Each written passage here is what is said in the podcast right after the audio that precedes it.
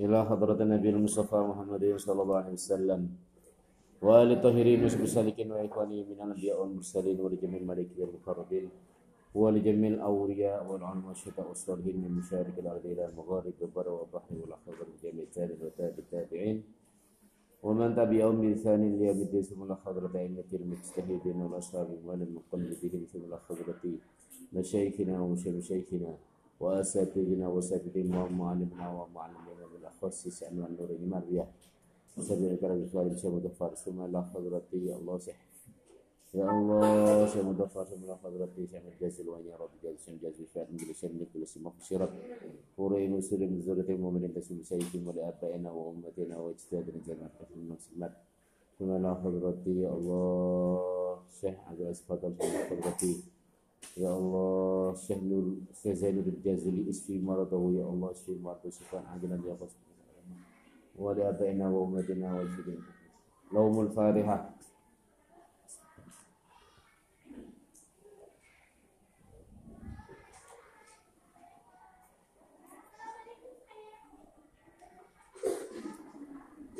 أعوذ بالله من الشيطان الرجيم. بسم الله الرحمن الرحيم.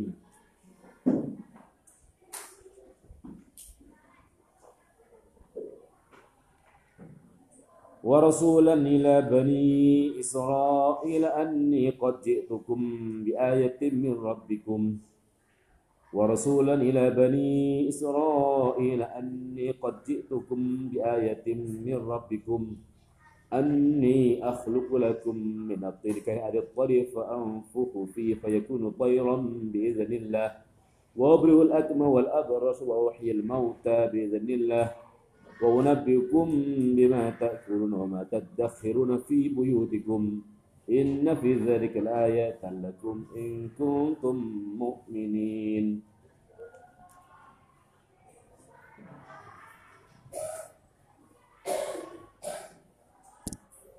Wabrihu Wabrihu lan marasake sapa ingsun asfi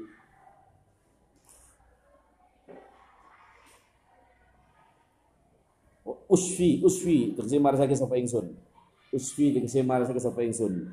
Al akmaha ing wong kang wuta. Al akma ing wong kang wuta. Alladzi wulida kang den lairaken alladzi tegese wong wulida kang den lairaken sapa alladzi akmah hale wuta. Kelebihan yang diberikan Allah Nabi Isa bisa nyebul. Apa namanya? Kalau saiki lempung yang dibentuk seperti burung disebul langsung jadi lowo jadi lowo tafsirannya jadi lowo kemudian pada saat itu terjadi wabah yang mematikan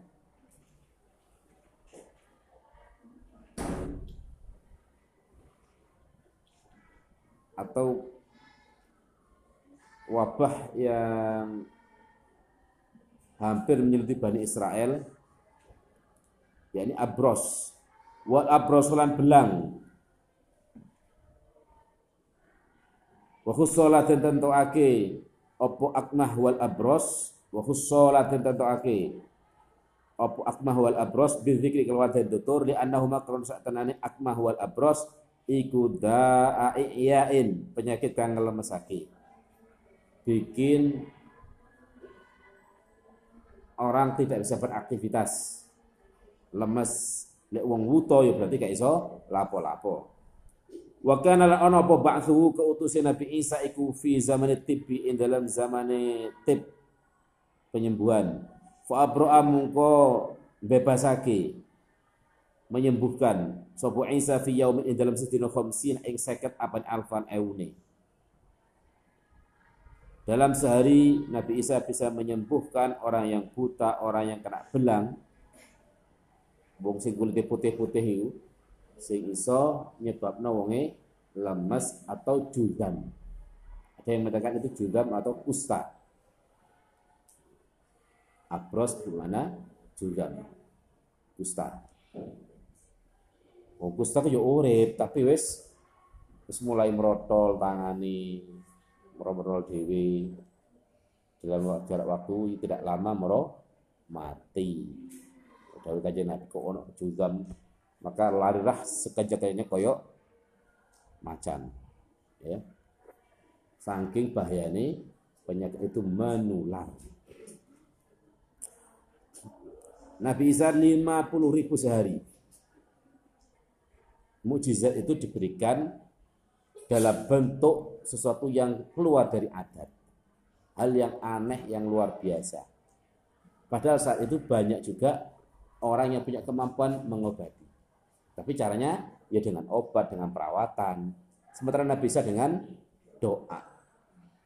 Hanya dengan doa. Ada tukang tombo tabib akeh wisan tapi kan gak iso marah wong sampai seket ewu sedino ya hanya satu dua orang yang bisa ditangani. Tapi Nabi Isa 50 ribu dalam satu hari dengan doa. Bisa arti iman. Bisyartin imani kelawan bidu'a kelawan doa bisyartin imani kelawan syarat iman. Pokoknya agar gelem iman kepada Allah dengan mentauhidkan kepada Nabi Isa sebagai putusannya Allah. Nabi Isa bisa menyembuhkan Wahyi lan bisa nguripake sapa ingsun al mauta ing kang mati bi idznillah kelawan izin Allah.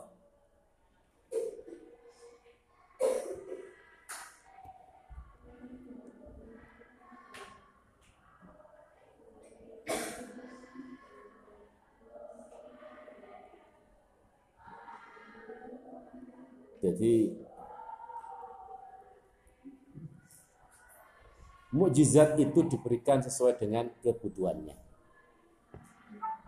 Jadi pemahaman tentang mukjizat, mukjizat itu diberikan kepada nabi dan utusannya kepada rasul sesuai dengan situasi dan kondisi yang dibutuhkan saat itu. Maka karena banyak wabah, kemudian banyak juga orang yang punya pengobatan, media pengobatan, tetapi ternyata banyak juga tabib-tabib melok mati bisa. Sehingga ditampakkan mukjizat suatu yang aneh yang luar biasa pada zaman itu. Karena yang dibutuhkan apa? Penyembuhannya. Dan Nabi Muhammad apa mujizatnya? Al-Quran toh. Apa kehebatannya Al-Quran? Dibanding Nabi mujizat Nabi sebelumnya, Nabi Musa iso belah lautan. Nabi Isa bisa menghidupkan orang mati. Nambah penyakit sekali suwuk, hus seketeu waras kabeh. Maka kondisinya adalah karena saat itu yang menjadi persoalan kemudian yang dihadapi umat saat itu adalah karena banyaknya orang-orang syair, orang intelek, wong pinter. Lihat atasnya mek guru nyowo iso mati bukan hal yang aneh. Bani Israel sebelumnya sudah ada. Bukan sesuatu yang Nah, dan bukan berarti dengan kemujizatan yang bisa menghidupkan orang mati langsung tidak ada iman. Mereka tidak kan?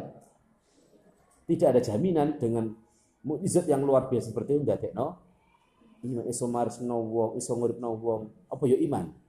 Hanya sedikit yang beriman. Sementara Nabi Muhammad pakai keteladanan. Ya malah menyentuh sisi kemanusiaan bahwasanya beliau hanya manusia biasa yang diangkat menjadi rasul dan nabi.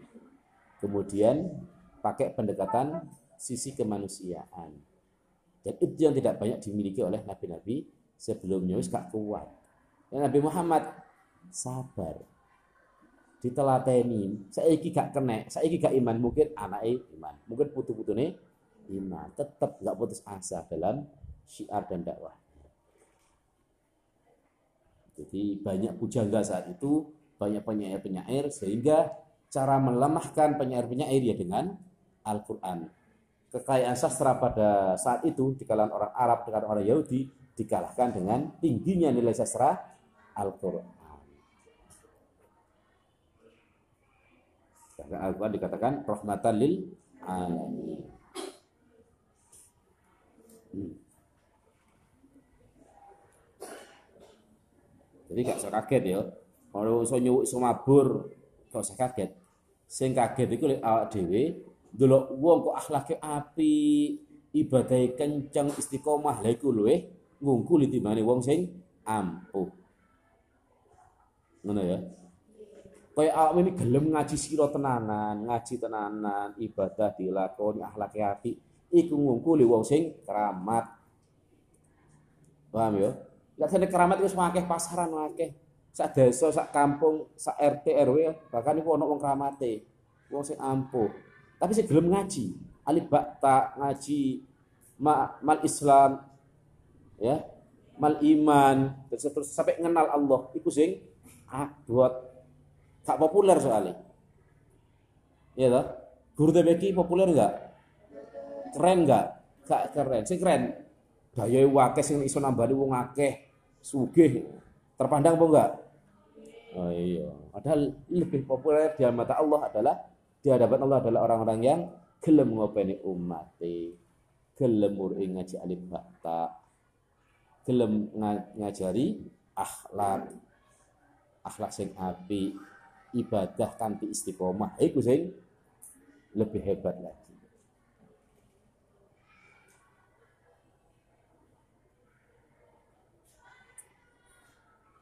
Karrohu biidznillah kelawan izin Allah.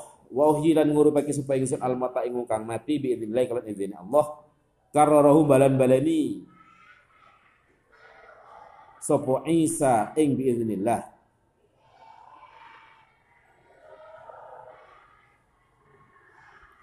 Karrohu balan-balani sapa Isa ing biidznillah. Linafyi tawahum min uluhiyati krana ngilangake atau nafiake anggapan awet cipta ing sifat dadi pangeran. Setiap kali Nabi Isa memberikan eh, mujizatnya kepada umat dengan bisa menghidupkan orang mati tetap dengan biidnillah dalam doa biidnillah bukan karena Nabi Isa sendiri tapi karena izin Allah. Dalam rangka apa? Untuk menghilangkan anggapan untuk dipertuhankan. Cek gak dianggap pangeran. Maka dikasih kunci dasar kata kunci biiznillah. Cek gak dianggap pangeran, cek gak dikultuskan. Linafi tahu min uliyati karena ngilangake atau nafiake awet cipta atau anggapan sifat dari pangeran fi dalam Isa fahya muka bisa nguri pakai sapa Isa fahya muka nguri pakai sapa Isa azar ing azar so dikon kang dadi kanca raket Azar ing azar. Sodikon kang dadi kanca raket bolo pleke Nabi Isa jenenge Azar.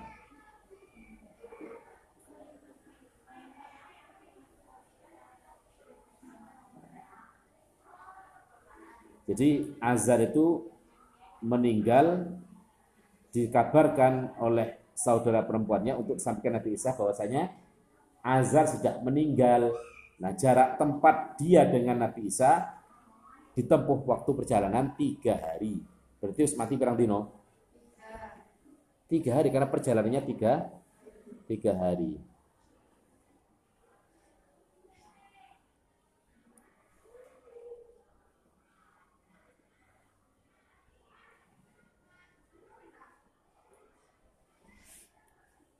Wa benal ajuzi lan anak lanange wadon kang lumpuh. Nguripno wa benal ajuzi lan kok keliru-keliru. Wa benal ajuzi lan anak lanang kang lumpuh. Wa benatal asyri lan anak wadon tukang narik seper, seper sepuluh wa minal ajuzi lan anak lanangi anak anak lanang kang lumpuh. Wa banatal asyiri lan anak wadone tukang narik sepersepuluh. Sepersepuluh berarti apa? Zakat toh. Fa'asu mungko urip sapa salasah. Fa'asu mungko urip sapa salasah yakni sapa? Azar Ibnul Ajuz dan Ibnutul Ashir Wa dalan den paringi putra sapa lahum maring salasah. Salasah yaitu Azar Ibnul Ajus dan Ibnatal Ashir. Wasamalat ingsan ibni wasamabni wasamab nanuhin lan sam bin Nuh.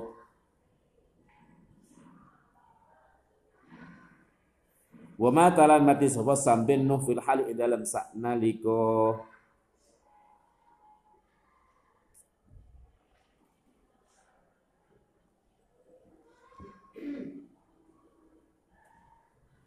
ketika saudara putrinya, saudara perempuannya Azar telah berjumpa dengan Nabi Isa, intoloki bina di dalam kitab bahu diterangkan seperti itu, intoliki bina ila kubri. Ayo kita datang karena sudah tiga hari gak mungkin nunggu Nabi Isa atau langsung dikuburkan.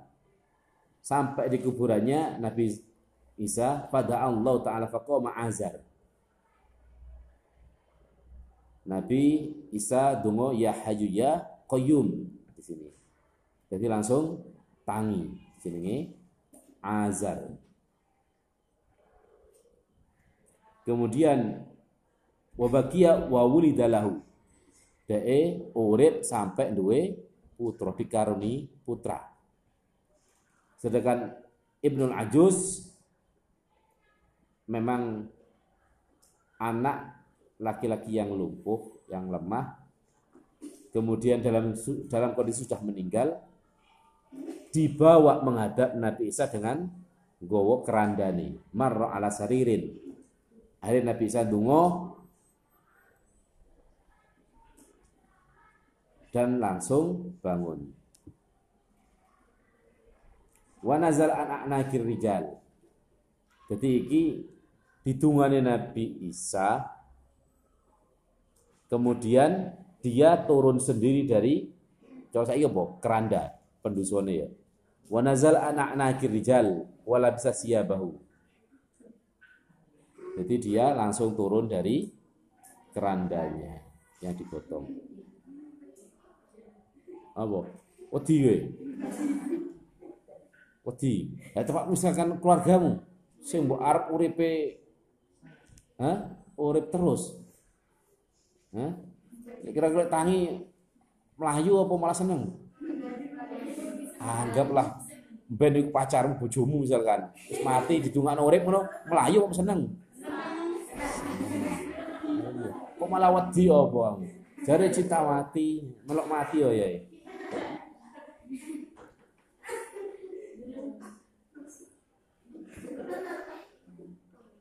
Untuk siapa namanya? Sambin Nuh juga sama.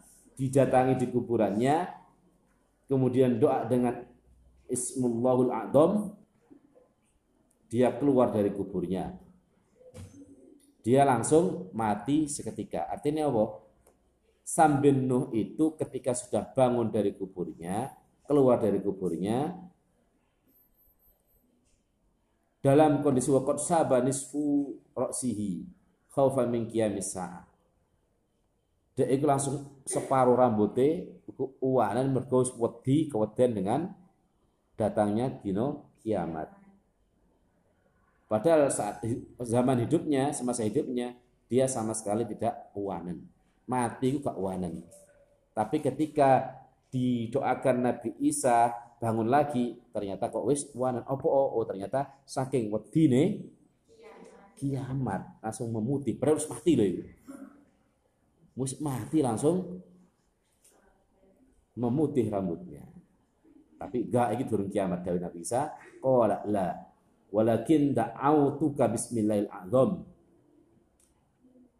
Setelah didoakan Nabi Isa, dia bangun kemudian dia minta mut jalun aku mati. Tunggu aku mati mana? Mereka apa? Wedi dia wedi. Memang permintaan Sam bin Nuh sendiri. Wedi kena sikso. Yus aku aku wis ngiring mati maneh. Kemudian dengan syarat ayyu'i ayyu'idhani Allah min sakaratil maut. Tapi dengan syarat lek mati niku gak melalui sakaratil maut. Jaluk tolongan Kanjeng Nabi Isa agar diminta kepada Allah dijaga tidak mengalami sakaratil mau langsung mati maneh. Iku wong api. Jadi wong soleh itu wong sing ngarep mati. Ngarep mati. Lah dhewe. Hah? Wong sing soleh iku wong sing ngarep mati. Kok ana wong soleh kiai gak wani mati mati. Oh, berarti sih kurang kader ke kiai ini. Tapi iku lek api. Ya. Gitu. Kalau memang soleh. Tapi lek akeh maksiat ojo ngarep mati yo. Ya. Lek sering ngalakoni dosa ojo mentang-mentang halah mati mesti dialami kabeh menungso. Tapi lek kelakuane maksiat tok ojo macam-macam ngarep mati mati yo lewis oleh sepuro saking Gusti Allah. Lek suruh sepuro, tanda di sepuro itu apa? Semakin baik amal solehnya, semakin sergap ibadai, semakin ninggal no maksiatnya. Berarti kira-kira wis oleh tanda-tanda di sepuro. Oleh tanda-tanda di sepuro secara tidak langsung di dunia adalah semakin baik amal solehnya, semakin baik kelakuannya, semakin akeh ibadai semakin istiqomah, semakin api akhlaki. Itu kira-kira tandane di sepuro. Tapi nek durung si aras-arasan ya kira-kira ya si sering lakoni dosa. Yo ngarep-ngarep mati. Tobat tosik sing tenanan. Ngarep mati ya gosong orang balik ya.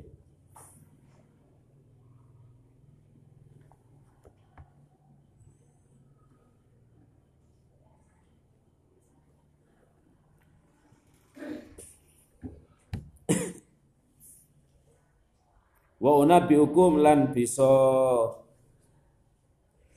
nyritani sapa ingsun ing sira kabeh bima kelawan perkara. Tak guruna kang padha mangan. Sapa sira kabeh ing ma wa malan ing barang tadakhiruna kang padha nyimpen sapa sira kabeh ing ma tuhbiuna tegese padha ndelekake sapa sira kabeh ing ma fi buyutikum ing dalem pira-pira omah sira kabeh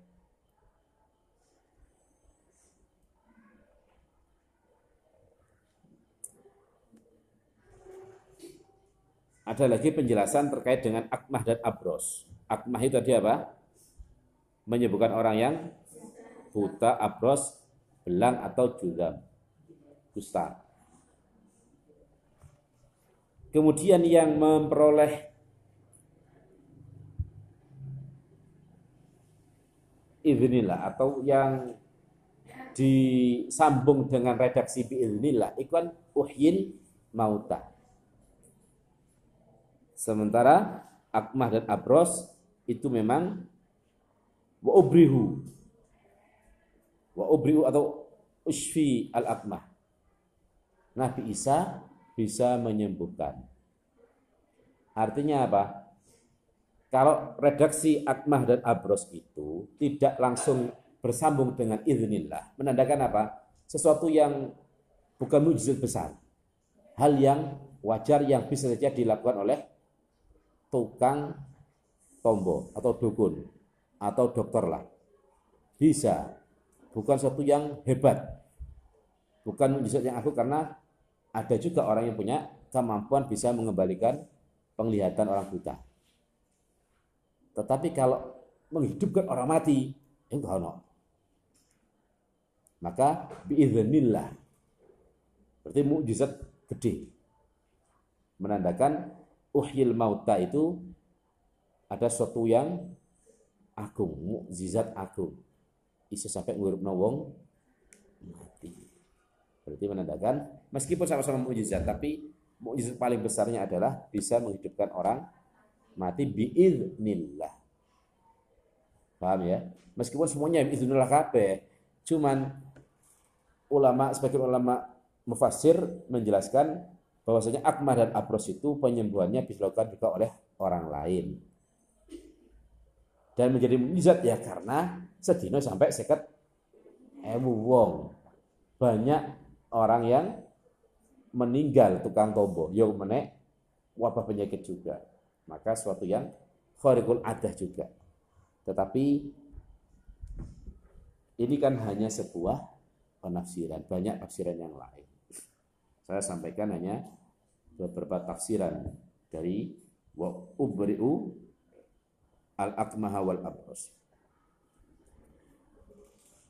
Mimma saking perkara lam uayinhu kang ora ningali sapa ingsun ing ma. Fakana mengko ana sapa Nabi Isa iku yukhbiru bisa ngabari sapa Isa asyakhs ing aw-awaan bima kelompok akal kang mangan sapa syakhs ing ma. Wa bimalan kelawan barang yakulu kang bakal mangan sapa syakhs ing ma ba'du dalam sause ma akala. Artinya apa? Ya saya indra keenam, tahu apa yang terjadi yang akan datang. Bahkan apa yang disimpan di rumah manganopo, si panganopo, si bok timbun di rumahmu itu apa? Itu Nabi Isa tahu. Di sini diterangkan Nabi Isa itu menceritakan kepada dua bocah kecil dengan apa yang dilakukan oleh bapaknya mereka kandhani nggih nggih le le le le kene le bapakmu iku duwe panganan enak pangan iki mangan iki mangan iki bapakmu duwe panganan iki ditimbun. Akhirnya pergi ke rumahnya. Mengingkari bapak eh jadi sopo mangan iki? Padahal sesuai dengan faktanya. Akhirnya anaknya nangis diseneni dan bikin hasut. Mereka bikin hasut kalau Nabi Isa. Kue ngelakoni sihir apa kok sampai ngurui adik cilik. Padahal mereka sadar bahwa itu adalah kebenaran. Tetapi ditutupi kebenarannya dengan menuduh itu adalah sebuah sihir. Ojo dolinan. Sihir tersebut. Faqalu laisu hahuna.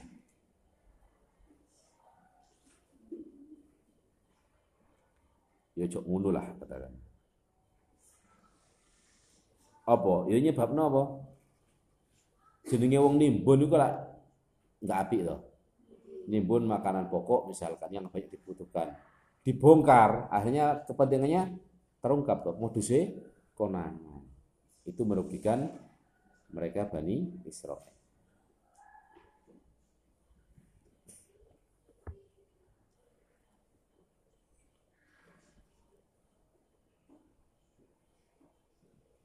Inna fi dzalika la ayah. Inna fi dzalika satanane iku ing dalem mengkono-mengkono.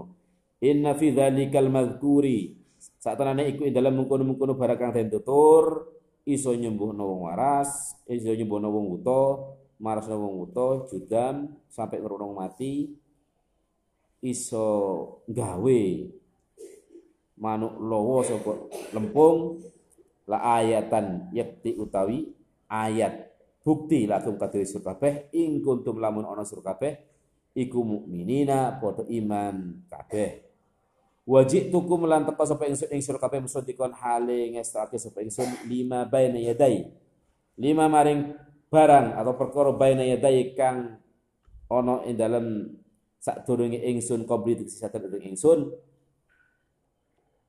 Pengakuan para nabi adalah tetap membenarkan apa yang di syariatkan nabi-nabi sebelumnya. Nabi Muhammad sebagai nabi dan rasul tetap membenarkan apa yang menjadi risalah nabi-nabi sebelumnya.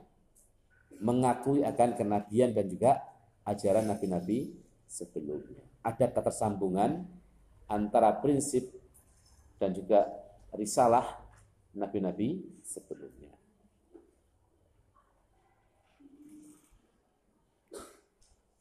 Minat Taurat saking Taurat. Wali uhilla.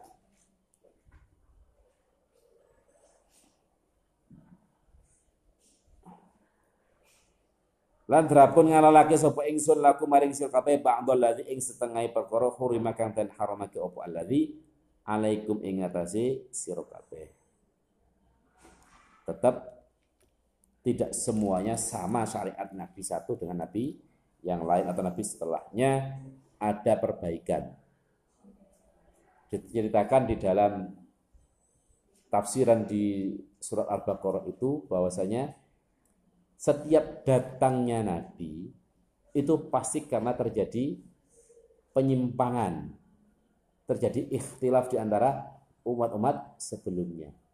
Terus agaknya penyimpangan atau fatroh malah.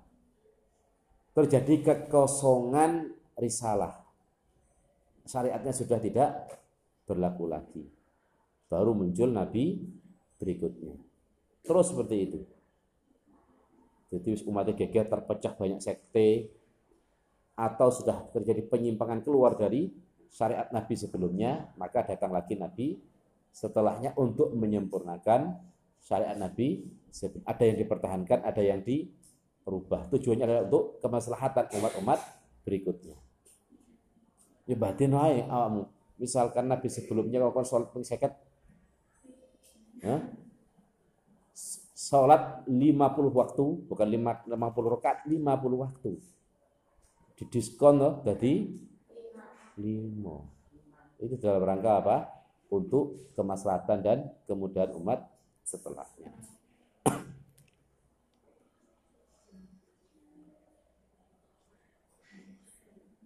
Fiha in dalam Taurat fahalla. Alladzi khurima kang dan haramakan ba'dal ladzi wa yuhillala drapun ngalalake sapa salat kemarin surga kabeh. Ba'dal ing setengah perkara hurima kang den haramake wa alladzi alaikum ing atas sira kabeh. Fiha ing dalam Taurat. Fa halla moko lagi sapa Isa lahu mari bani Israil minas samai saking iwa iwa Allah wa tauri lan manuk. Ma ing perkara. Atau ma ing barang. La si siyata kang ora ana patil iku lau kaduwe ma patil Wakil ada ucapakan apa halal jami'ah. Ahalla ngalalake sapa Isa al jami'ah ing sakabehane ma haram. Al jami'ah ing sakabehane ma haram.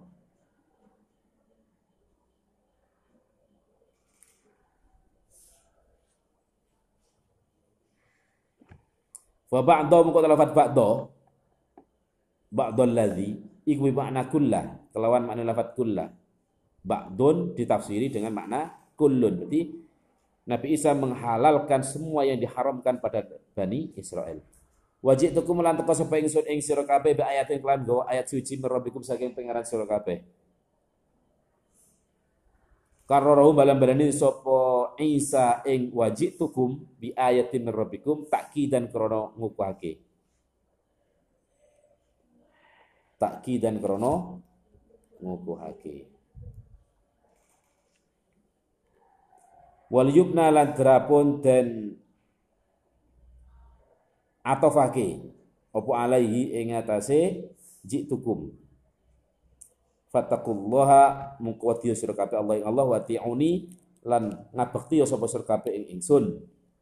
Fima ing dalam perkara amurkum kang merintahi sapa ingsun ing sira kabeh bi kelawan ma min tauhidillah saking tauhid ing Allah atau nyuwiji ing Allah wa taati lan ngabekti ing Allah. Wallahu a'lam bissawab